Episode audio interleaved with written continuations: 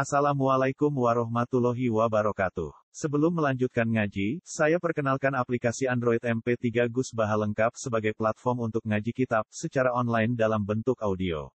Aplikasi ini berisi berbagai kajian kitab kuning dari Kiai Haji Ahmad Bahaudin Nur Salim. Silahkan download aplikasi MP3 Gus Baha lengkap di Google Play Store. Link download ada di deskripsi. Wassalamualaikum warahmatullahi wabarakatuh. Bismillahirrahmanirrahim. Wa huwa alladhi arsala riyaha busyram baina yaday rahmatih. Wa anzalna minas sam niku nggih. Wa anzalna minas sama ma'an tahura. Linuhyiya bihi baldatan mayta wa nusqiyahu mimma khalaqna an'ama wa anasiya katsira. Wa huwa ta Allah taala iku alladzi dzat arsala ingkang lepas sapa ladi utawa ingkang ngutus sapa ladi ar-riyaha ing piro-piro angin. Wa fi qiraatin arriha ing angin. Maksudnya mufrad. Busyron nusuron nusron. Pokoke teng sapah niki busyron nusuron apa?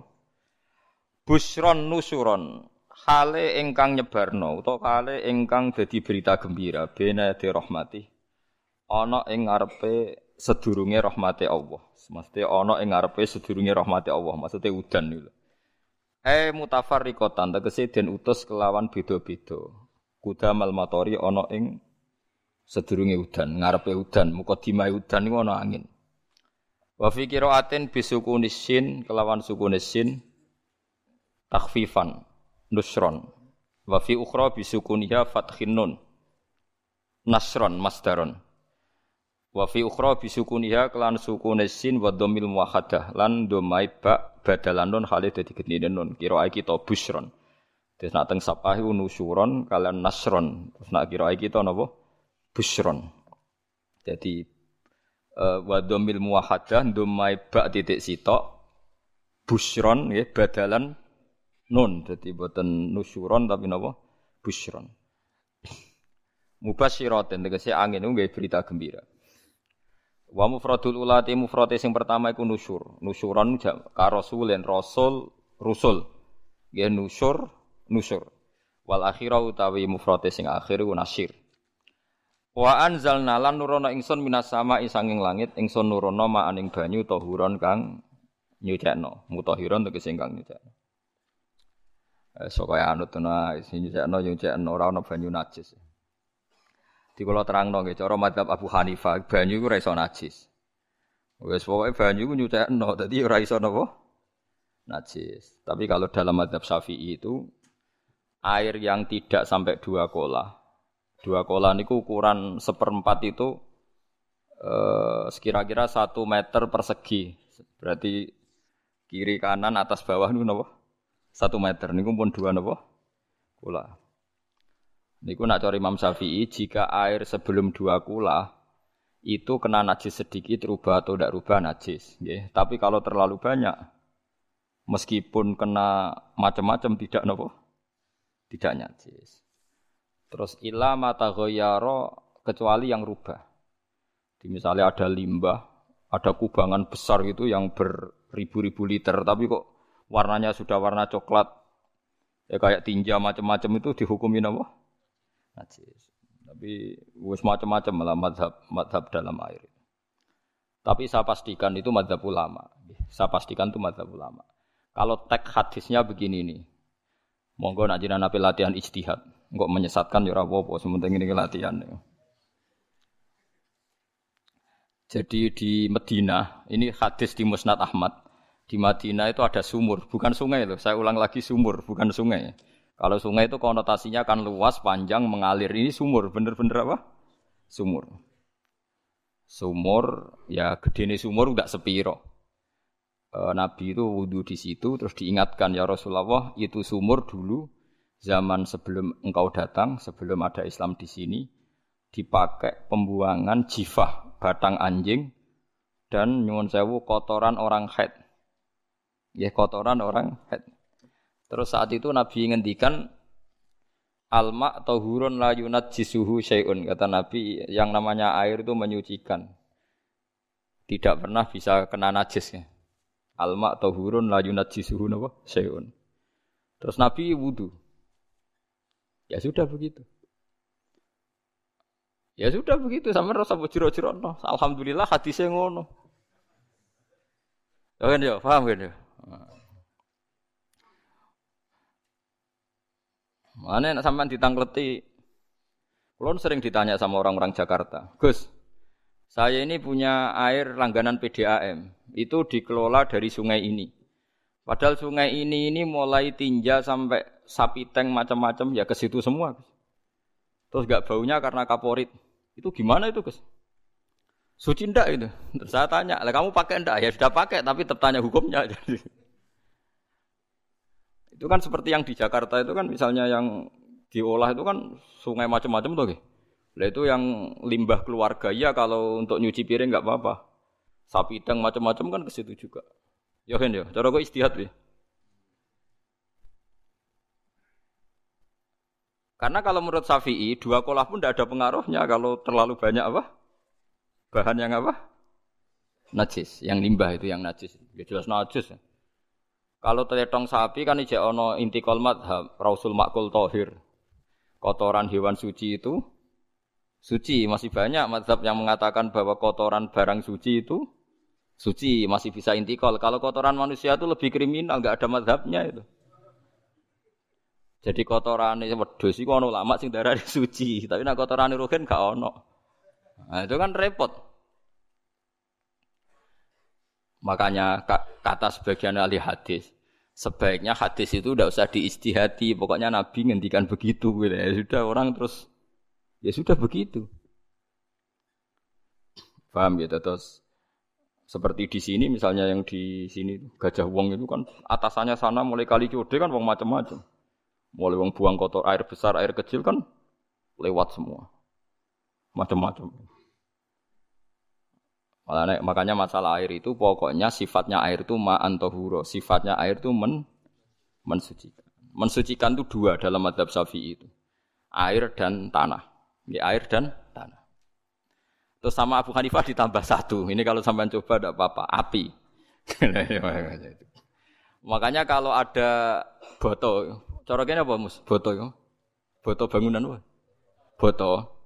Itu kan kebanyakan kan kadang kan tipak tipak buahan pletong itu kan dia. Terus dipakai boto. Campur-campur, diulet-ulet. Terus jadi apa? Boto. Cara madhab syafi'i tetap najis dipakai masjid tidak bisa karena sebagian bahannya dari apa? najis. Cara mazhab Hanafi suci karena sudah dibakar. Karena api itu termasuk alat mensucikan. Alasannya Imam Abu Hanifah, orang yang fasek-fasek itu nanti disucikan pakai api neraka. Berarti api itu bagian dari alat mensucikan. Jadi misalnya Ruhin mau sholat dibakar sholat suci itu. Karena api itu mensucikan. Buktinya orang-orang yang masuk neraka nanti sebelum masuk surga kalau kan disucikan dengan api. Mana ada di neraka disucikan pakai air. Artinya kalau ada batu bata itu yang dipakai dari najis ya, kemudian dibakar, itu berarti cara mata Hanafi suci. Alhamdulillah tuh. Jadi kita bikin masjid nyaman karena banyak dianggap apa? Suci. Lewat apa? Lewat apa? Api tadi dia dibakar. Tapi yang ngeri. Nggih. Ben sampean ngerti madzhab gitu. Terus saya memang tak niati setiap saya ngaji entah satu dua tak sisipkan hukum fikih karena fikih ini yang kita alami keseharian. Ya, fikih ini yang kita alami apa? Keseharian. Makanya saya minta teks hadis tadi jangan rubah. Pokoknya ada sumur. Sumur loh, tidak sungai. Sumur itu kan airnya tenang, tidak ngalir. Nyatanya Rasulullah sudah dilapuri. Ini batang-batang anjing dan bekas orang-orang haid, ya kotoran haid itu dibuang di situ ya Rasulullah. Terus Nabi menjawab, alma la yunajis alma utahurun la yunajisuhu Terus orang-orang Syafi'iyah e, mentahmilkan dalam bahasa ijtihad itu dianggap itu mungkin sumurnya terlalu besar dan airnya terlalu apa? banyak sehingga kotoran-kotoran itu tidak merubah warna. Tapi kata yang lain-lain masa yang benar aja gitu, masa banyu diam dimasuki kotoran gitu tidak nopo itu ya itulah itulah istihad. Istihad itu ya. Istihad itu guyonannya kan gitu. Pendapat saya benar mungkin salah, pendapat Anda salah mungkin apa? Benar. Karena ya sama-sama mirip-mirip itu untuk menganalisis itu. Yang jelas Allah mensifati air itu ma'an tahura bahwa air itu punya sifat dasar men mensucikan. Kaya nak cara kula niku asal tidak terlalu ketok najis ngoten niku. Kaya PDAM ngoten niku. Enggak gak ambu taek terus gak ambu apa nih suci ngoten mawon. Takoki tapi kan asal usulnya di sana najis gini. Asal usul bareng kok repot. Kalau sering dibantai tiang-tiang sing terlalu nopo was-was. Tapi jelas gue saya tahu sendiri. Sapi teng itu ngalir ke sungai gini-gini saya tahu sendiri. Itu tak jawab, saya juga tahu sendiri dari langit itu langsung air turun. Jadi artinya kalau dia melihat sisi najis ke sapi kamu melihat sisi dari gunung merapi dari langit kan langsung turun. Jadi kalau eling najis ya, tak eling suci ini kata saya gitu. Dia ngilingi yang sisi najisnya dari apa? Limbah apa? Keluarga. Wa anzalna minas sama ima antahuro. Air itu mensucikan.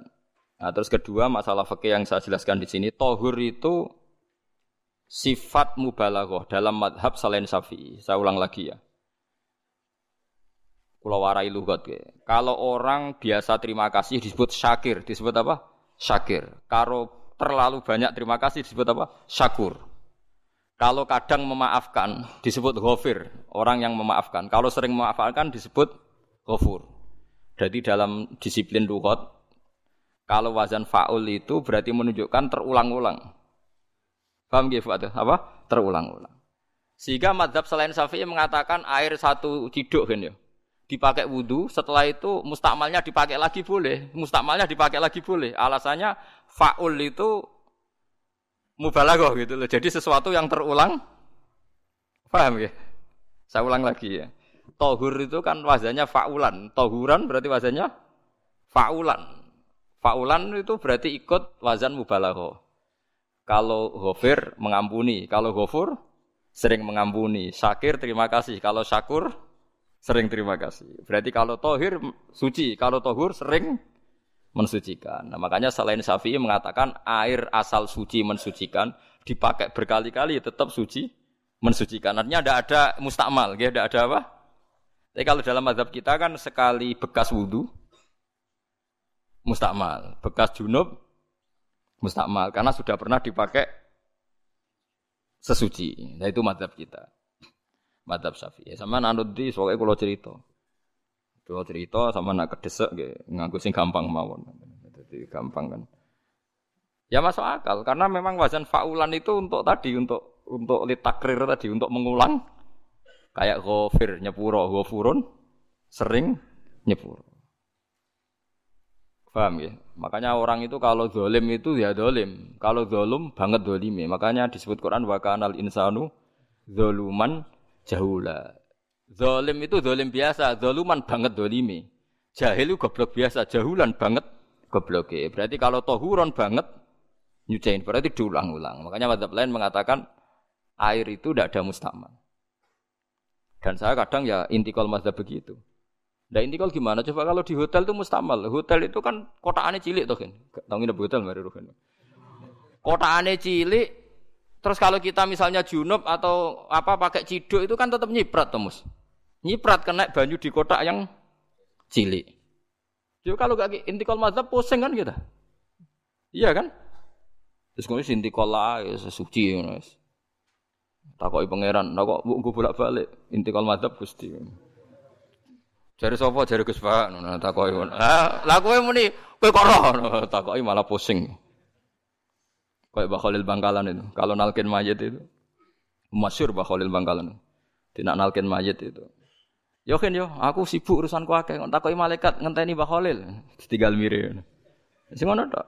Ngonalken meneh. Yo jiyo, sowe nak takoki malaikat marabbuka manabiuka ngenteni ketuane. Maksudnya ngenteni dekne. Ya sudah ditinggal. Ya orang ditakoki wong dekne orang kabudut. Pokoknya diwarai kabeh.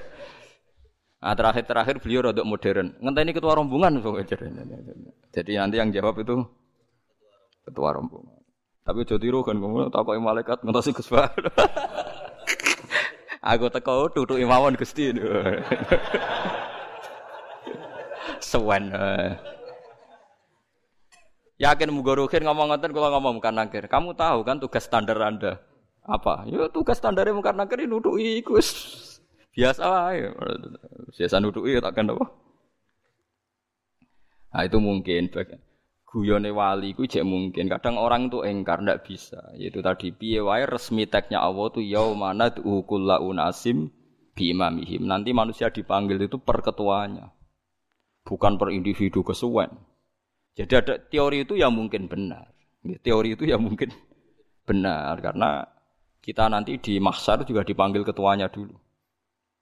Jadi ya ma'asyar syafi'iyah. Terus Imam Syafi'i disuruh maju ya ma'asyar malikiyah karena ketua ini nanti yang menciptakan madhab. Karena ada pepatah an-nasu ala dini mulukihim. Manusia itu mengikuti tradisi ketuanya. Mungkin coba orang Indonesia mbok bodoh, mbok ora, mbok pinter, mbok ora, Abu Bakar ya radhiyallahu anhu. Coba kalau tradisinya Syiah, mungkin Abu Bakar laknatullah alaih kan itu. Ya kita tidak tahu, tahu-tahu begitu. Akhirnya kita ketiban apik karena menghormati menghormati apa? Sahabat. Artinya ketua itu penting menciptakan suasana ketua itu penting. Coba kalau tanpa ketua mungkin kita tidak punya tradisi. Makanya dipanggil itu ketuanya. Paham? Makanya sampean milih ketua itu yang benar. Setidaknya orang ikhlas. Misalnya rapati benar, penting ini ikhlas. Ngeri itu kalau pas sampean dipanggil nunjuk ketua itu. Kemudian ketua partai, wah panggil pangeran bingung sampean. Ketua sopo nyebut ketua partai. Waduh. Ketuane partai dia celok pangeran Melayu. Wah, ngadepi pangeran meriang tetep. Paham gitu. Jadi nanti sampean itu ditanya itu lewat nopo? Lewat nopo? Ketua. Terus ketua nanti itu ngecek ada nur yang dipakai alamat dia ngikutin ndak. Nah, yang paling ngeri ya termasuk Rasulullah. Rasulullah itu nanti pakai standar itu. Eh, inna umati yut'auna yaumal kiamati hurran muhajjalin min atharil wudu. Itu kan ada tanya jawab sama sahabat. Kata Rasulullah, kamu tidak usah khawatir kalau saya meninggal. Meninggal saya itu baik. Hayati khairun nakum wa mamati khairun nakum. Saya hidup di antara kalian ya baik, setelah saya meninggal juga baik. Ya Nabi ya unik. Amma hayati fali asunna lakum asunan. Kalau saya masih hidup, berarti saya bisa meneladani kamu melakukan beberapa sunnah, beberapa tradisi. Sunnah itu tradisi. Jadi orang kudu artinya sunnah itu wajib atau sunat. Bukti ini Quran ada sunnat Allah lati uh, sunnat Allah fil ladina khalau min qabl. Jadi sunnahnya, tradisinya Allah menghukumi orang-orang dulu. Itu bisa orang benar, bisa orang tidak apa? Kata Nabi kalau saya masih hidup, fali asunna lakum asunan. Saya bisa mentradisikan kamu beberapa sunnah, bisa wajib, bisa sunnah. Wa amma wafati ya khairun. Kalau saya sudah meninggal nanti juga bagus. Mereka aku nak SK pundut dari Nabi aku jejer pangeran. Jadi nak roh kowe apik, saya muji Allah, nak roh kowe elek langsung saya minta ampunan kepada Allah. Dan semua umatku nanti diampuni. Tapi terus Nabi mulai menangis, tapi ada beberapa masalah. Ketika orang-orang itu ternyata umatku, mau saya ajak ke surga, kata Tuhan, kata Allah, Innahum qad ahdasu ba'dak. Mereka ini bikin aturan aneh-aneh setelah kamu Muhammad. Terus aku lusuh kon suhkon ya sudah kalau gitu tak tinggal ke surga, tidak ikut masuk surga. Nah kemudian ulama berdebat ahdasu itu apa? Ada yang oh itu bid'ah gitu, macam-macam. Kalau ulama sunni ahdasu itu ya eh, bid'ah bid'ah ibadah mahdoh. Jadi misalnya orang melakukan sholat duhur kok enam rakaat itu kan mau nganggur papat es kesel kok malah muni enam itu. Utawa duhur kok mau tolong rokaat itu kan ya itu bid'ah. Karena ibadah mahdo. Tapi kalau masalah sosial itu fleksibel. Fleksibelnya adalah misalnya dulu Nabi naik unta, orang yang anti bid'ah juga naik Innova. Padahal dulu naik Orang-orang yang poligami itu ya tidak nunggu istri pertama mati. Padahal dulu Nabi poligami setelah Sayyidah Khadijah meninggal. Ya mereka baik-baik saja. Alasannya poligami sunnah Rasul. Padahal nak detailnya sunnah Rasul poligami setelah istri pertama meninggal. Jadi kayak Rohin itu belum boleh. Istrinya kan mas, masih hidup dua dia.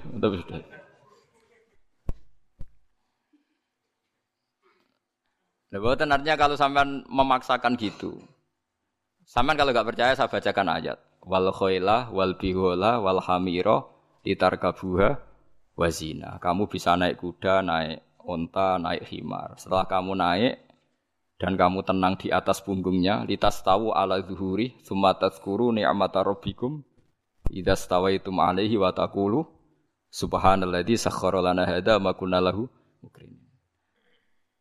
Artinya ketika kita naik onta zaman dulu dan tagnya memang onta, itu terus kamu baca subhanalladzi sakhkhara lana hadza.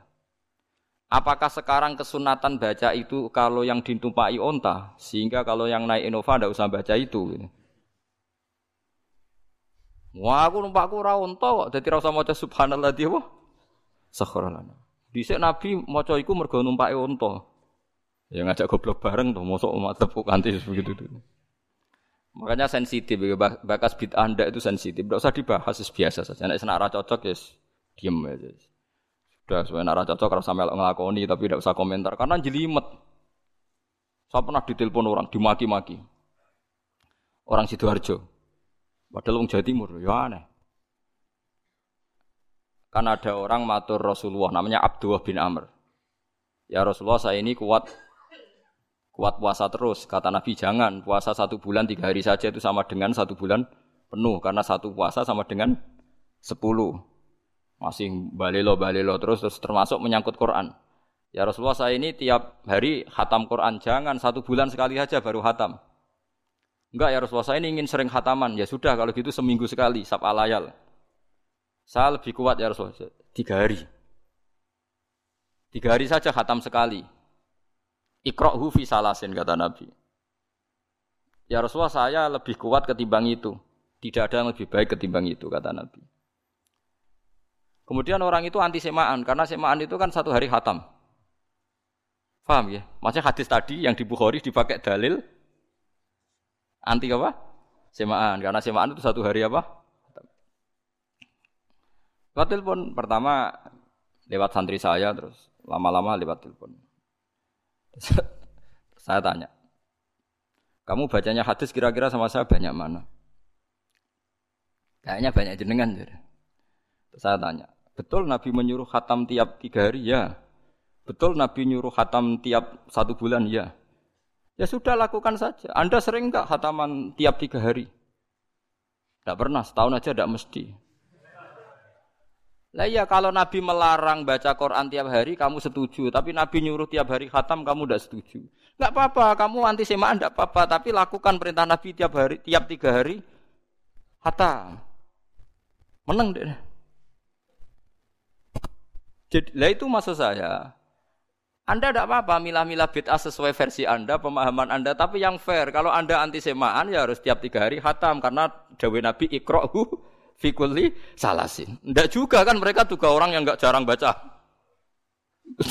jarang baca apa? Lah itu nggak fairnya di situ. Makanya dia biasa mawon. Cuman semaan apal Quran semaan. Nah rapal Quran ya wiridan malah lucu tuh rapal Quran kok semaan. Ya ngono ae rapal ya nyemak kan, kok kesel ya mulai. Jadi bang nyemak sampai geremeng. Bariku mangan entek akeh kan malah lucu. Wong nyemak ya udah kurang ajar. Jajal kok nyemak kifa delok ngarep mbek guri tok. Agar kebar ya wis. Aku serah kelakuane wong nyemak. Kan dekne rapal kan ya. Biasanya nyegat guri to. Kok agar gurine kembar pojok. Wis. Kok agar gurine pojok kembar. Ya sing semaan akhirnya pinter sing maca kembar gurine. Paham gitu terus wau gitu tohuron gitu alatnya gitu alatnya memahami Quran secara luwat. Mergo Quran bagaimanapun bilisanin arabiyim mubin. Ada ulama yang berpendapat tohir itu dimubalaghkan tohur seperti ghafir ghafur, syakir syakur. Sebab itu menurut madhab ini tidak ada air apa mus mustama. Tapi kita biasa madhab safiyah apa ada napa? Ada mustama. Itu masalah-masalah istihadiyah. Ini masalah-masalah istihadiyah. Kalau masalah istihadiyah tadi pendapat saya benar mungkin salah. Pendapat Anda salah tapi ya mungkin benar. Wa anzalna minas sama ima antahura. Mutahhiron tegese banyu iku sing nyucekno. Linuhya supaya maringi urip ingsun. Bihi sebab anane banyu baldatan ing daerah maitan kang mati. Jadi istilah resmine pangeran yo aku nak nguripno bumi iku yo nganggo lantaran banyu. Jadi aja mbok soal pangeran kok butuh lantaran. Waduh serepot. Mung Qur'ane pangeran dhewe istilahna aku nak nguripno bumi lewat lantaran banyu. Ya rasa mbok jurok-jurokno. Pangeran kok butuh lantaran. Ora lantaran lah yo iso, tapi nek Allah nganggo lantaran yo oleh yo aja terus Allah kok nganggo wasilah. Wah yo malah kacau. Ora usah ngono-ngono, ora usah mikir. Pokoke Quran diwaca ora usah dipikir, pun ngono. Iman nonton mawon kok repot. Iman kok napa? Kok repot. Linuh ya supaya ngurip-ngurip sapa ingsun bi sebab banyu. Baldatan ing negara atau daerah maitan kang mati. Jadi sampean jangan mengatakan kalau Allah untuk menghidupkan bumi butuh air ya keliru. Allah itu tidak butuh apa-apa. Allah itu tidak butuh apa-apa. Tapi kalau Allah punya sunnah, punya adat menghidupkan bumi itu pakai air, ya Allah jangan kamu atur. Kira pangeran kok ngatur. Itu kan ada cerita di kitab-kitab itu termasuk di Ihya itu. Nabi Musa itu sok dekat Allah. Jadi nggak mau mimik obat membuktikan bahwa Allah itu tidak butuh wasilah. Akokir itu maknanya obat-obatan yang dari herbal itu bahasa Arabnya apa? Al-akokir. Dia setiap konsultasi sama dokter disuruh minum herbal itu. Enggak mau dia. Enggak, saya akan disembuhkan Allah langsung, enggak usah lewat obat apa herbal katanya. Tiap dokter ditanya jawabannya sama. Oh, dokter goblok. Kamu belum tahu ya kalau Allah itu tidak butuh wasilah. Malah marah-marah dia tuh. Akhirnya dia konsultasi langsung ke Tuhan. Apa betul ya Allah saya butuh minum akokir? Terus lah kata dokter gimana? Karena herbal itu fungsinya gini-gini. Terus sa Musa sing gawe fungsi herbal ngono iku sapa? Jenengan. Lah yo iya, aku gawe fungsine ngono kowe ngombe kok ora gelem. Sing gawe ku ya aku. Jadi sing gawe bodrek ku nak kowe ngelu, bodrek mandi sing gawe ku ya pangeran rumangsamu sapa? Sing gawe ruhe nak berkelon lego ya pangeran. Mangsamu sapa? Umane bojone ayu kan. Ah, wis pengira aku isin gengsi, ora usah ngono. Kalau muni elek dibanding bojone ning swarga, nek ning donya ya ayu, nguruhin ya diselera kok udarane.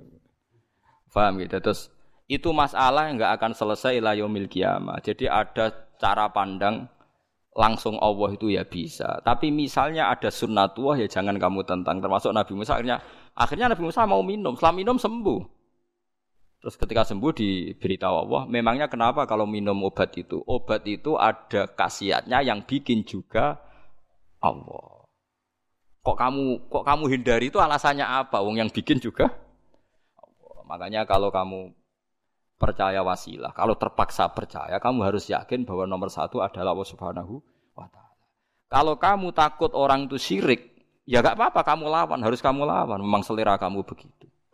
Kamu harus tidak usah ikut pakai, wong kamu khawatir, tidak apa-apa. Jadi sing khawatir sirik kira usah nganggu ali-ali, ora usah nganggu ake, tapi sing seneng dagangan yo nganggu. Ora usah jimat-jimatan ini hati napa booming ngoten mawon niati. Niati tak. Kulo nu diakek larang sedurunge rame-rame akek. Barang akek rame terus mboten kula nggo. Wah, darani murah repot. Nggih kula mboten sombong. Dulu akiknya bapak itu zaman bapak Sugeng tuh pernah ditawar ditukar mobil. Zaman itu mobilnya seharga 60 juta. Dan itu wasiat bapak untuk saya. Saudara saya sepakat itu untuk saya. Dulu kadang-kadang tak pakai. Setelah booming terus dikira ini yang gelondongan berapa kilo. Dua puluh lima ribu, ah, muruah, camah, coro Jawa camah, tidak pernah tak pakai. Saya yakin ikut turun itu, aki-aki yang mahal itu. Karena dikira yang produk Ya, yang masal itu yang itu. Paham gitu, terus sampean biar tahu duduk perkara ini. Jadi tohur, ya tohuron itu sifat mubalaghah. Tapi kalau dalam madhab syafi'i, tohur itu ismul alat. Jadi tidak tidak maknanya mengulang-ulang sehingga Imam Syafi'i meng, apa tidak membolehkan wudhu pakai air apa mustamal. Lah menurut hadis tek hadis kayaknya benar Imam Syafi'i secara lahir. Karena Nabi ngendikan sisa air wudhu itu membawa dosa Anda. Kata Nabi, jika seseorang wudhu maka kotorannya keluar dari ajvan, dari lapuk mata, dari apa, dari apa, sampai keluar dari mimbe ini azofirih, sampai keluar dari bawah-bawah apa? Kuku. Sehingga kalau air ini sudah membawa kotoran dosa Anda, berarti air ini kan sudah menjadi air kotor. Andai kan Anda muka syafah, maka air ini sudah penuh dengan kotoran. Nggak mungkin air yang sudah penuh kotoran dipakai wudhu lagi. Itu cara berpikir Imam Syafi'i. Ya, ya sampean ikut mana ya? Ya gampang kan kalau keadaan normal ya ikut Syafi'i, kalau air banyak, kalau tidak normal ya ikut mazhab yang lain. Kan gampang. Gitu aja kok repot tuh. Ya itu pentingnya orang ngaji ya di situ itu harus banyak banyak pilihan. Hmm, HP kartune loro masa madzhab mesti itu. nah, itu kan gitu. Ya pokoknya gitu. Kalau yang percaya wasilah ya pakai istilah istilah pangeran linuhyabi baldatam mait. Ada kata bihi. Allah menghidupkan bumi itu dengan pelantaraan air. Padahal Allah tidak butuh ah, perantaraan. Tapi yang anti ya nggak apa-apa. Memang yang percaya wasilah itu ya bahaya juga. Ya yes, pokoknya yes. Sudah pakai dua kartu apa susahnya tuh? Ya, ya apa-apa. Asal ada ilmunya. Ya, tidak karena emosi. Memang ada apa? Ada ilmunya. Linuh ya bihi baldatam maita. Wanus kiyahu. Lan nyirami ingsun. Yastawi podo baldatam maita bitakfifi lan takfif maita. Maksudnya buatan mayita tapi napa? Maita. Yastawi podo fi ing dalam dawa maitan apa al mudzakkar mudzakkar anas lan anas zakkarahu mudzakkarna sapa taala hu ing dawa maitan bi tibaril makani kelawan diitung tempat mesti maitan wanus kiyahu meniku masalah nahwu lan nyiramno ingsun hu ing banyu ilma ategese banyu mimma sing perkara khalaqna kang wis gawe ingsun ingsun gawe siraman an aman ing pira-pira raja kaya kewan ibilan tegese unta wa bakaronan sapi wa namanan wedhus wa anasi lan pira-pira manusa kafiron kang akeh Iki unike Quran, kadang kewan mbek manusa iku dibakas dhisik kewane. Kok nak ndelok dosa mbek ora ya apik kewan. Tapi nak ndelok diakal mbek ora ya apik manusa, tapi nak didelok manusa mbek kewan niku dosa ndi? Dosa manusa, mulane nak salat istisqa iku kesunatane gowo kewan. Lho nggih tenan mboten guyon, sampean delok kabeh kita fikih nak salat istisqa kesunatane iku wong kon gowo apa? Kewan. Tapi aja kethek lho ya. Contohnya ngono iku ya kaya wedhus sapi, engko terus koyo gethek, ula, bulus wah, malaikate bingung wah. Maksudnya kewan ya kewan tapi aja bulus, kethek, ula. Mulane teng daerah mriku, teng daerah sarang nate kekeringan. Barang kekeringan tiang salat istiqo ono go sapi, go wedhus. Delalah bar salat istiqo iku udan. Tapi kalau seneng kiai ini, pas udan kiai ini menghentikan itu. Kowe aja GR nak udane krana kuwi ya krana sapi mbek wedhus iku. mergo ora duwe dosa, ya mergo ora duwe apa? Dosa. Lah yaitu agama. Agama itu kita kita tak abudi. Wong kita jari makhluk paling terhormat. Tapi nyatane nak istisqa butuh bantuan kewan. Itu kesunatan istisqa ngoten to. Tem mriki ngoten mboten mboten. Do nuntun wedhus to. Napa? Mboten sing tek sing tek teng kitab-kitab Pak Sami to. Kan gue kewan kan? Tapi ya soal kewan mau iso no. Wah, lah nak pasar ngasem mbok gowo mulai ular kobra macam-macam ya malah malah repot.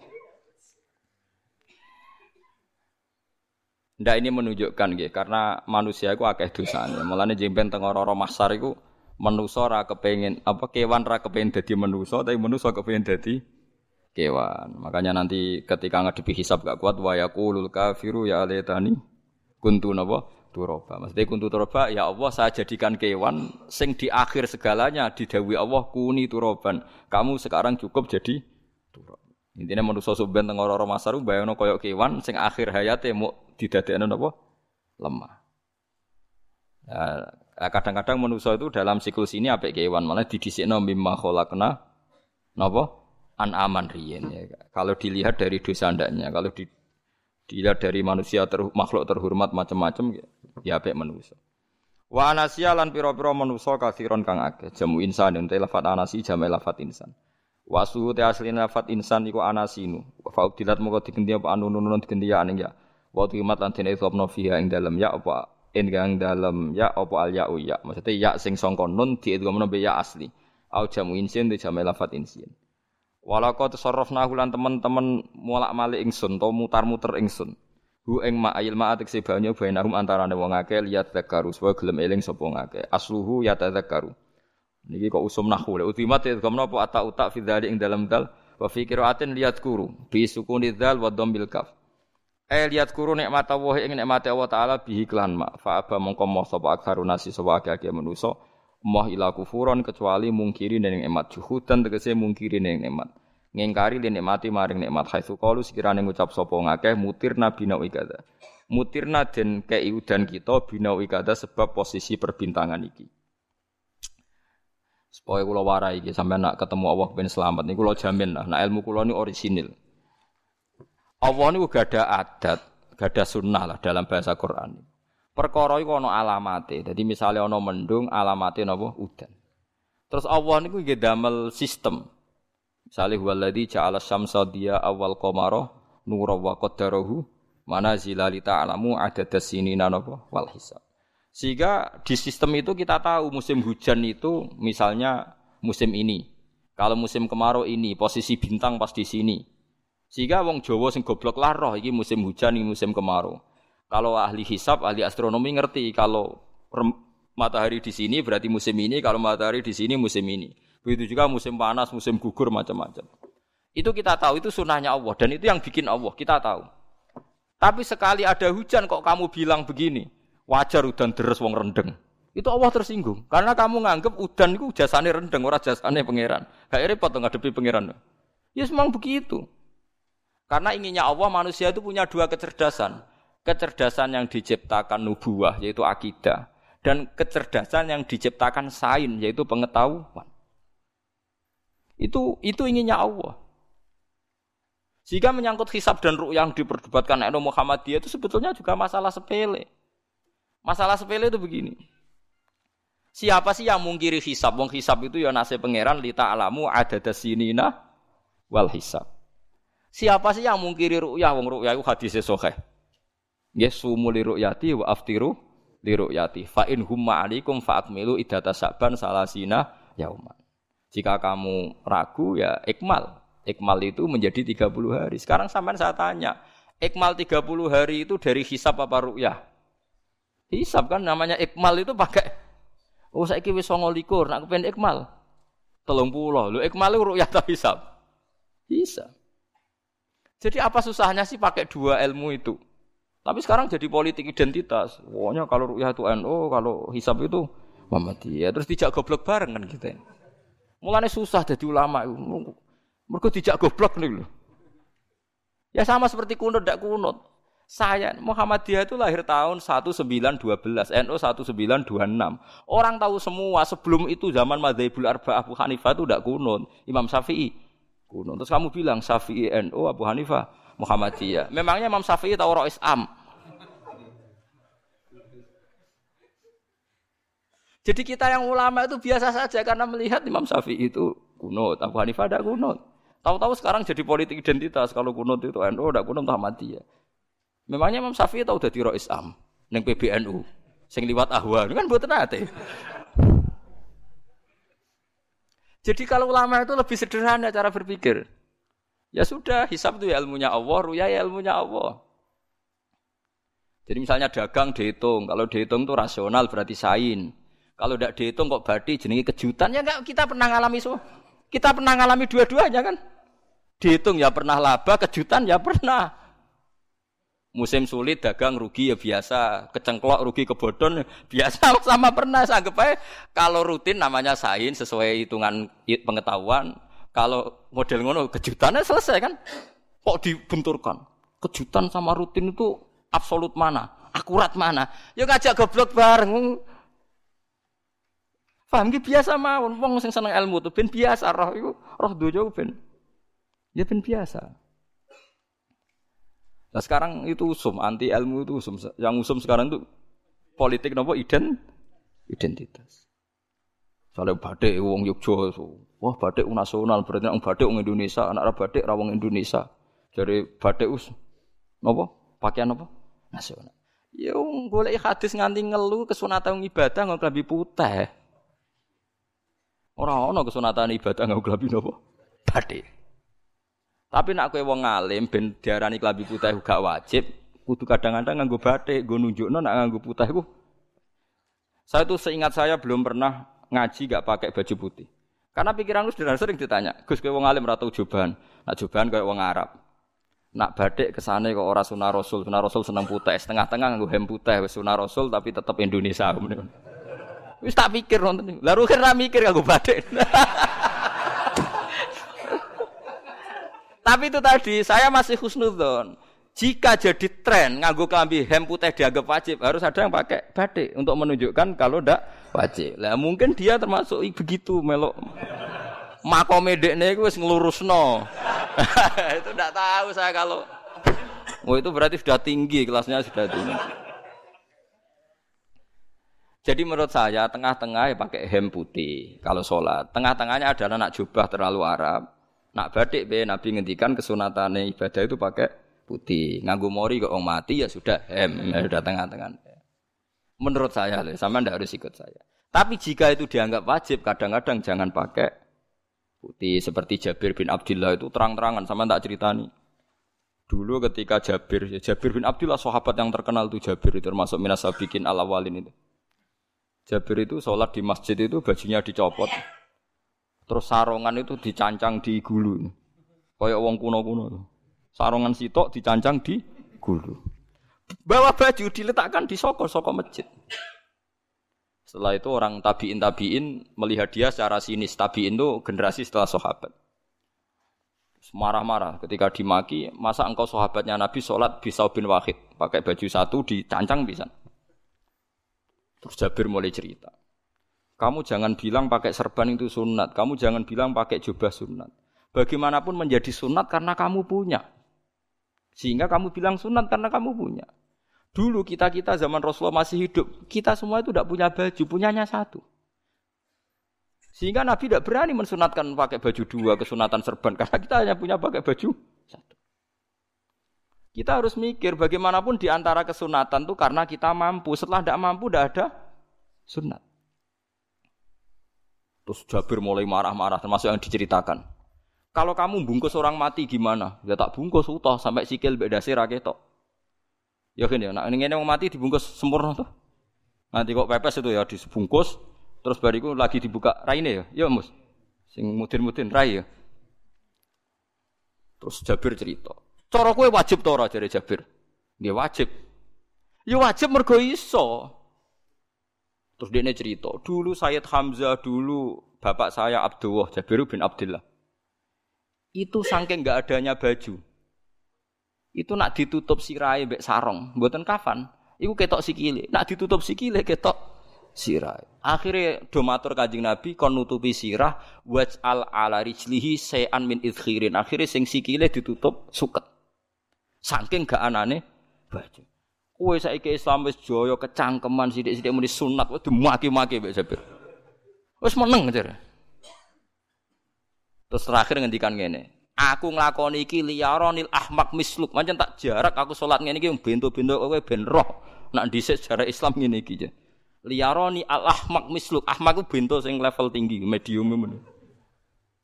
Itu ulama betul ya begitu. Saiki wong Islam jog tuku kurma gampang. Sidik-sidik buku nganggo kurma, sunah Rasul mergo nganggo kurma. Ya ini kelar tuku. Zaman kene Gunung Kidul melarat nganggo apa? Aneh-aneh gitu. Makanya di fikih jelas, nah iso kurma, nah iso asal manis, nah iso asal gak nyolong titik wis. Kok cek repot ya hukum.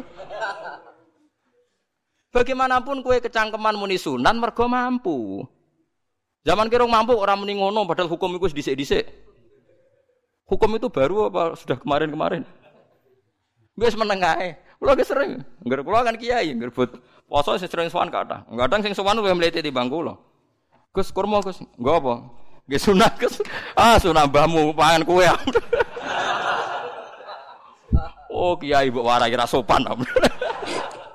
aku nak buka aku tegan. Wah aneh-aneh ya. Namun ini sunah sunah dia ora usah kecangkeman. Lagi buka ukur mas pirang tahun, lebih kali tahun Gus. Umur piro? Patang pulau Gus. Ah, tolong pulau walu tahun gak anggus sunnah lagi rong tahun gegere gak karuan. Biasa saja. Dulu Nabi itu ya biasa. Nabi kalau zaman ngendikan yang ngeper sampai empat kali. Kalau nggak mampu ini, ini. Kalau nggak mampu ini, ini. Nabi kalau ngendikan ya gitu sampai diulang-ulang. Karena Nabi tahu tidak semua umatnya gampang mendapatkan itu. Misalnya kafaroh puasa dua bulan nuntut, kalau tidak bisa ngasih makan orang miskin sekian, kalau tidak bisa gini sampai sampai habis. Kulu ma'rufin sodakoh. Kalau tidak bisa ya Rasulullah firsana satin. Sampai ludus gak usah sikit tamrotin. Kalau gak bisa fabi kalimatin toibah. Cangkem sing ape. Nak raiso sementing udah merengut. Terakhir walau bitol kotin apa? Wajin. Itu lama mewarisi sekian kebaikan yang diajarkan Nabi. Tidak terus dipatenkan satu ngel-ngel wong akeh. Kau apa ngekek kurma kok khutbah bareng sumber. Wes pangan dhewe entekno. Ya ana sing sabar. Wes kula tobat Gus mun mboten ngomong-ngomong ngono. Yes, yes. Ya biasa saja. Kalau ingin sunnah-sunnah biasa saja. Dawe Nabi wal qasda wal qasda tabluhu. Kamu itu yang biasa saja. Biasa itu ya standar saja. Ya biasa. Jadi Nabi dulu kalau melakukan sunnah itu biasa. Sunnatun sanaha Rasulullah Shallallahu Alaihi Wasallam. Ini sunnah yang dilakukan Nabi. Tapi di luar yang azimah. Azimah itu yang wajib atau fardu ain itu sahabat biasa. Karena bagaimanapun kita bisa begini karena mampu. Seperti Jabir tadi, orang bisa sholat pakai serban, pakai jubah karena mampu. Zaman Nabi awal Islam. Sama lihat Bilal, nah ada nak belodor gitu tuh. Sama lihat film Umar atau film-film Bilal. Itu memang nyata dulu itu lah ya jitu ahaduna illa sauban wahidan. Tidak ada yang pu kecuali punya baju apa? Sama dulu film-film, mulai versi seneng kitab sampai versi film itu sama.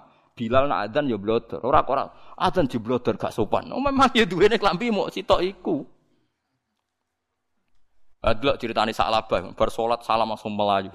Berkali-kali yang bersalam melayu. Jebule apa genta kayak ya salah bang bersolat orang witir melaju kenapa? Saya takoi ya Rasulullah, takoi Nabi. Salah bah kata sahabat-sahabat, kue nak sholat bar mulai langsung melaju. Ya Rasulullah, kami kulo namun setunggal istri saya di rumah aja utuh. Bisa saking saking tidak adanya baju. Nah, saya kira sunat no kon. Ya begitu. Makanya ketika Sayyidina Umar, ida ausa Allah fa ausiu. Nanti kalau sudah jembar ya jembar. Nak lagi ruwet dia ruwet. Ya sudah biasa saja. Paham ya? Jadi kalau suwun misalnya malah yudroku kulu, la yudroku nopo kulu. Kalau tidak bisa semua, jangan sama sekali. Jadi misalnya kita tidak bisa jubahan, tidak bisa serbanan, mereka Arab. Supaya saya ndak keriting jubahan kok tonggo ya buyu. Paham ya? Wah aneh. No. Kemudian anak orang kaji kok jubahan malah digugat wong akeh. Ya sudah pakai hem putih saja. Yang penting dua semangat sunnah putihnya misalnya. Ya tengah-tengah gitu. Tapi kalau kira-kira dianggap wajib, ya kan ganti badai kayak Ruhin itu. Itu makomnya sudah itu tadi. sudah tinggi sekali. Ya Nabi itu kan, misalnya Nabi nyifati rambut yang baik itu yang lurus ngombak gitu. Sifatnya dajjal itu keriting. Tapi oh yang keriting ya nggak apa-apa. Bukan berarti wah keriting mirip dajjal janda gitu. Ya itu kan Allah menunjukkan kekuasaan. Nanti kalau Allah bikin lurus semua dikira gak mampu bikin yang keriting ya sudah dibikinlah yang keriting. Ya sudah gitu biasa saja buatan buatan berlebihan. Paham gitu. Jadi Nabi itu kalau ngendikan seingat saya, saya ini apal banyak hadis. Kalau ngendikan tuh sampai berkali-kali.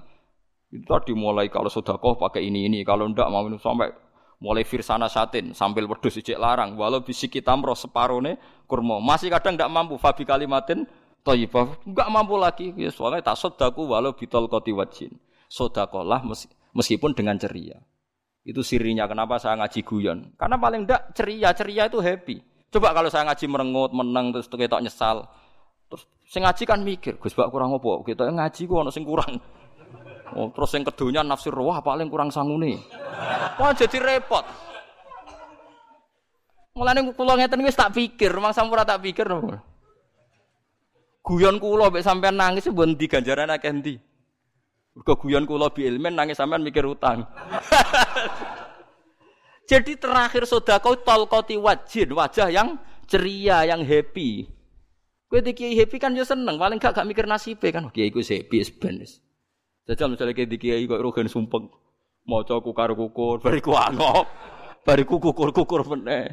Kan wong mikir, waya tanggale bayar apa piye kredite. Waduh. Apa waya ditarik sepeda motor kan orang terus menafsirkan macam-macam. Sing elek sing wong alim mulai nafsiri paling terkipe iso. Wah, paling elek. Ya nak wong alim kan ana ukur-ukur mesti nak sing suudon kan paling macane bingung terkipe ngono. Ya macam-macam lah sesuai asumsi napa? Jadi kalau suwon sama nak jadi kiai nak raisa sodako macamnya terakhir ceria. Mereka Nabi ngendikane terakhir tasodaku walau bitol kodi wajin bersedekahlah meskipun dengan keceriaan apa mu muka atau wajah. Mau namun kalau itu Nabi diulang-ulang. Jadi kalau ngendikan tuh diulang-ulang. Sekarang tuh orang mau mendorong sunnah Rasul itu satu. Ya berat bagi yang nggak bisa melakukan itu apa? Yang nggak bisa melakukan itu apa? Jadi dibaca lah hadis itu dibaca utuh. Ya bukan kita apa ya mau sekolah kepingine KB umat Nabi itu happy. Mereka selama itu tidak maksiat berarti anut ajaran kajian Nabi Muhammad Shallallahu Alaihi Wasallam. Ma Rasulullah bena amro ini ilah taro aisarohuma malam yakun isman. Rasulullah itu tidak pernah disuruh milih dua hal yang berbeda kecuali milih yang paling gampang. Asal itu tidak barang dosa. Itu hadis mutafak alaih. Ma Rasulullah bena amro ini ilah taro napa aisarohuma malam yakun napa isman. Jadi Nabi itu tidak disuruh milih dua hal, mesti milih yang paling gampang asal tidak nopo dosa. Makanya Nabi kalau ditanya ya Rasulullah sampai nanti tawaf pakai unta apa ndak? Kesel di, nggak kesel melaku, ya naik unta saja. Makanya Nabi kalau tawaf dulu pakai apa? Unta. Terus saya mulai Arab Saudi PG MRT berkondisi Nabi unta terus saya nganggo nopo kereta lingkar. Sekarang baru diperdebatkan. Cek kurang ajar itu sebenarnya no tamu spesial, misalnya pejabat negara sebenarnya atau wafu numpak kereta muter diarani rasah dhisik Nabi numpak unta, diarani sah kurang ajar ning dhuwur. Terus sampai angop-angop terus tawaf. Sampeyan muni sah ta ora ya itu. Muni rasah Nabi dhisik tawaf. Ngagem unta muni sah kok kurang ajar. Wah, ya misalnya pak kereta asenan ya, anggap sidik-sidik sebeng pitu. kurang ajar juga. Saat ini lebih diperdebatkan, tapi ya mbak, Sing bakas ngono ben ngerti hukum sampean. Ben ro anak kiai bingung, ulama yo mikir hukum. Iku ketok ceria kula, sampean ora bingung ora ceria. Fa aba mongko mo sapa nasi sapa akeh manusa mo ila kufuron kecuali ngafirin nikmate Allah. Juhudan. Tegese ingkar li nikmat lin nikmati maring nikmat. Haitsu qalu sekirane ngucap sapa kufar mutir nabi na kada mutir nadien ringi udan kita binawi kata sebab posisi bintang sing ini walau syi'na la ba'atsna fi kulli qaryatin nadhir walau syi'na umpama ngersakno ingsun Allah la ba'atsna yektine nugasno ingsun utawa ngutus ingsun fi kulli qaryatin.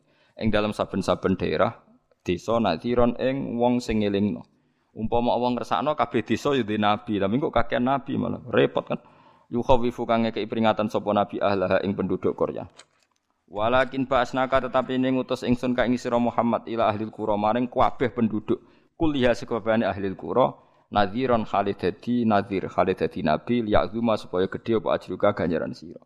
Tapi kabeh nabi niku nggih pokoke Allah mampu mawon tiap desa dikai nabi, tapi Allah ndak melakukan itu cukup nabi sitok. Terus kabeh iku nanut Nabi Muhammad sallallahu alaihi wasallam. Mulane ana guyonan wong Arab wong Jawa apik endi? Apik wong Jawa aja. Ke wong Arab iku cara obat iku dosis tinggi, mulane dikirimi Nabi. Wong Jawa cukup mudin, cukup kiai wis Islam. Jadi rapati salah lah. Penyakitnya ringan, jadi diobati kiai wis dadi iman. Nah wong Arab kudu napa? Nabi. Berarti penyakit berat be ringan nabi endi? Nabi ringan, mulane jare ana, jare kiai Jawa, kita apik wong Jawa kus wong Arab. Mergo ora butuh? Nabi. Berarti dosisnya kan kecil ya, rendah. Eh sak uni-uni eh wong bingung ngono kok omongane wong napa? Bingung. Lha opo nganalisis ngono barang. ya wong nganggur iku repot. Fala tuti mongko aja nurut sira al kafirin ing pira-pira wong kafir fi hawahum ing dalam hawa nafsune kafirin. Jadi kaya aja anut wong kafir ning menyangkut hawa nafsu. Tapi nak menyangkut kebaikan wong kafir sing kita kadang kalah baik dalam hal sosial. Ya malah Allah kadang melehno kita, mereka kok kalah mbek wong kafir. Gini misalnya ngeten gini, makanya Imam Suyuti nafsiri falatutil kafirin ay fi hawahum. Dalam hal yang bersifat hawa nopo nafsu. Misalnya begini, saya contohkan Allah melehno wong mukmin. Ada sahabat ketika perang itu tangannya terputus, kakinya juga terputus. Terus matur Rasulullah, ya Rasulullah gara-gara perang derek engkau, saya tangannya putus, kaki saya putus. Ternyata tidak diapresiasi sama Allah, malah disalahkan. Gini kok Allah terus nurono ayat iyam saskum korhun faqad masal qoma korhum mislu. Jika Anda luka karena perang, orang kafir pun luka. Wong kafir, wong gento wani luka demi kekafiran. Kok kue wong Islam jadi demi Allah rawani luka. Jika masyur di kalangan para ulama-ulama, nanti setiap kebaikan itu dibandingkan kezaliman. Ya saya ulang lagi, nanti setiap kebaikan itu dibandingkan kezaliman. Misalnya kita jadi kiai, jadi kiai ora enak, ora gaji tetap, tepak-tepaan, kadang untuk duit, kadang ora. Enak jadi PNS, gajinya tetap. Nanti kita disalahkan Tuhan. Pedagang narkoba itu gajinya juga gak tetap. Risikonya tinggi ditangkap polisi, hukumannya mati itu saja berani. Kue ngiai terima ngono rawani. Kue tahajud kanyeben, bengi-bengi tangi tahajud kanyeben. Tukang maling ayam bengi-bengi tangi nyolong. Risikonya tinggi ya anyep wani. Jadi nanti kue di depan Tuhan dimaki-maki, kesalahan kita akan dibandingkan kezaliman. Nah, nong soleh diutangi duit ra oleh medit, sebenarnya dibanding no. Maling be maling utang-utangan, orang soleh ra utang-utangan. Ya memang begitu. Nah itu yang dimaksud ayat intaku nu ta'lamuna fa innahum ya'lamuna kama ta'lamun wa tarjuna minallah mala yarjun. Jika kamu merasa sakit karena berjuang demi agama. Orang-orang dolim juga sakit karena kezolimannya. Toh mereka berat, berani. Coba jadi kiai bandar narkoba resikonya tinggi mana coba? Resiko jadi bandar narkoba. Antar geng narkoba juga musuhan, takut ditangkap polisi. Jadi kiai paling ngomong kasut sidik-sidik. Paling mau ngerasani. Kiai songene ngomong tok, rai song lakoni, paling gitu. Podo kiai ini paling kasut. Ya sidik-sidik lah, paling serek. Kalau bandar narkoba gak cocok, nembak. Karena rivalitas mereka ekstrim. Sehingga kalau sampai cemen jadi kiai nanti ya diingatkan Allah dibandingkan orang apa? Zalim. Jadi eling-eling ya. Terus semua kesalian kita, loyalitas kita pada agama nanti dibandingkan orang zalim karena mereka loyal sama pekerjaannya, sama kezalimannya. Enggak terus preman-preman nak belani konco wani mati. Kadang kiai santri belani kiai ini rapati wani mati. Serwepet preman-preman nak tobat serwepet. Kulo nu rada nyesal mek tobaté preman. Nak ana preman teng perapatan tobat. Niku terus ning masjid, men itikaf terus mbek wong sopan. Niku ora pas nih. Nak tobat itu tetep ning perapatan. Sing dhisik gagu wong disingkirno. Jadi ku tobat tenan sehingga dhisik perapatan sing gawat dadi gak gawat. Mergo sing preman gawat diganti preman sing lunak. Ora terus ning masjid ya sing iki tetep diganti generasine ngono mesti ini maksudnya mesti ora kok terus elek mboten mesti ini tobaté ngoten niku. Sayyidina Umar itu dulu itu menakut-nakuti orang Islam. Angger ana ndekne wong Islam wedi kabeh. Terus Abu Bakar ya wedi kabeh wedi. Suatu saat Rasulullah melaku-melaku ngerti Umar gulut ning ukat, menangan. Kata Rasulullah andikan yang Islam itu itu hebat Islam. Hanya Rasulullah berdoa wa ma'izal Islam fi Umar. Akhirnya Umar masuk Islam. Hari Kemis masuk Islamnya. Wis kira tau mikir to sak dinane kula roh dinane dongan kemis masuk Islam Jumat. Ning omahe adike ning gone IP-ne. Kok diwacana Quran surat Toha. Bareng Islam metuki Nabi, mohon walhasil bar Islam teng Zaid bin ning mbene Nabi terus langsung marani Umayyah Abu Jahal ora terus ning masjid menenge buat langsung marani Abu Jahal. Angger ki ganggu Nabi tak pateni. Bariku mau Abu Jahal. Aku saiki wis Islam iki ganggu Nabi tak pateni. Gentenan wong kafir sing delik. Paham gak? Jadi enak loh maksudnya. Lah misalnya terus Umar jadi sopan santun terus ketemu wong dilo, ketemu Abu Lahab monggo dari akhir. Wah, kacau. Artinya gak ada perubahan kan kalau gitu. Lan ruh ini mantan preman buatan kok tobatin yang gini, ora roh. Buatan dong harus kiai deh. Mesti ini ngoten. Makanya wahsi Wahsi itu yang bunuh Sayyid siapa? Hamzah. Karena dia disuruh Hindun itu istrinya Abi Sufyan itu. Itu setelah membunuh Sayyid Hamzah dan dia Islam. Dan Nabi tidak siap melihat wajah Wahsi. Sumpahnya Wahsi apa? Saya bersumpah akan membunuh orang paling dibenci Rasulullah. Sebagaimana saya pernah membunuh orang paling dicintai Rasulullah. Terus tobatnya dia mata ini Musailama al-Kadzab. Wong sing ngaku Nabi ngarang Quran. Itu tuh sing mata ini sinten? Wahsi. Jadi wasi sebagaimana aku pernah membunuh orang paling dicintai Rasulullah, tobat saya membunuh orang paling dibenci Rasulullah. Ya misalnya terus wasi tobat, sampean nyapu masjid, terus, terus gak duwe selera tarung. Zaman kafir tarungnya tenanan, bareng Islam menyapu masjid. Bariku ngiseni jedinge terus bareng dijak perang wedi wae ya repot.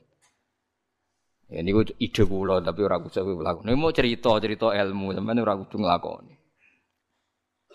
Ya gale wong preman brah-brah. Blojo narkoba entek akeh dilakoni, nggo judi diakoni. Sewengi orang preman itu kalau judi 2 juta 3 juta. Bareng tobat ngoboni masjid 10.000. Padahal donyane jek akeh. Mestine tobat yo.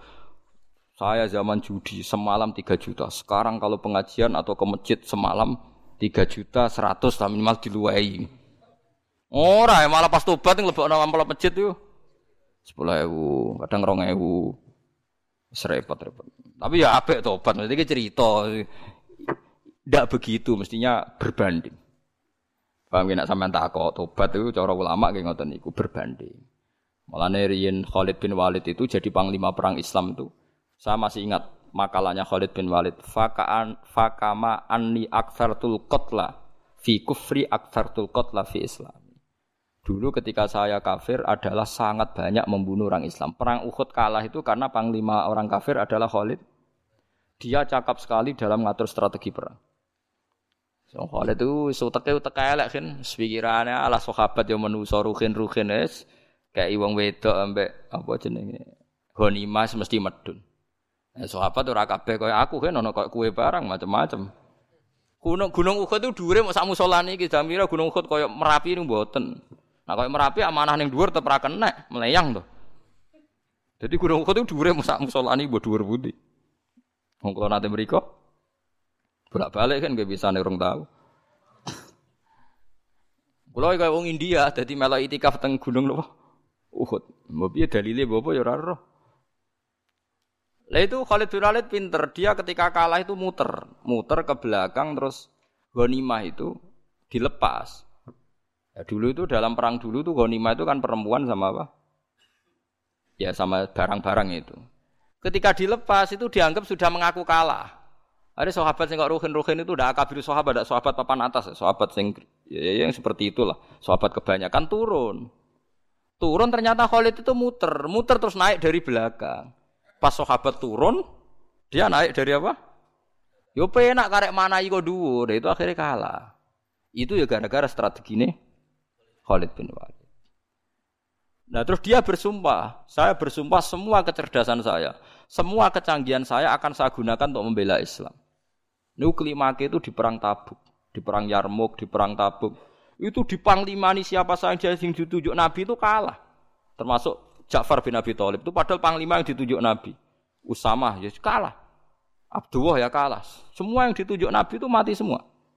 Akhirnya panglima diambil siapa? Khalid. Taruh saja gini strateginya.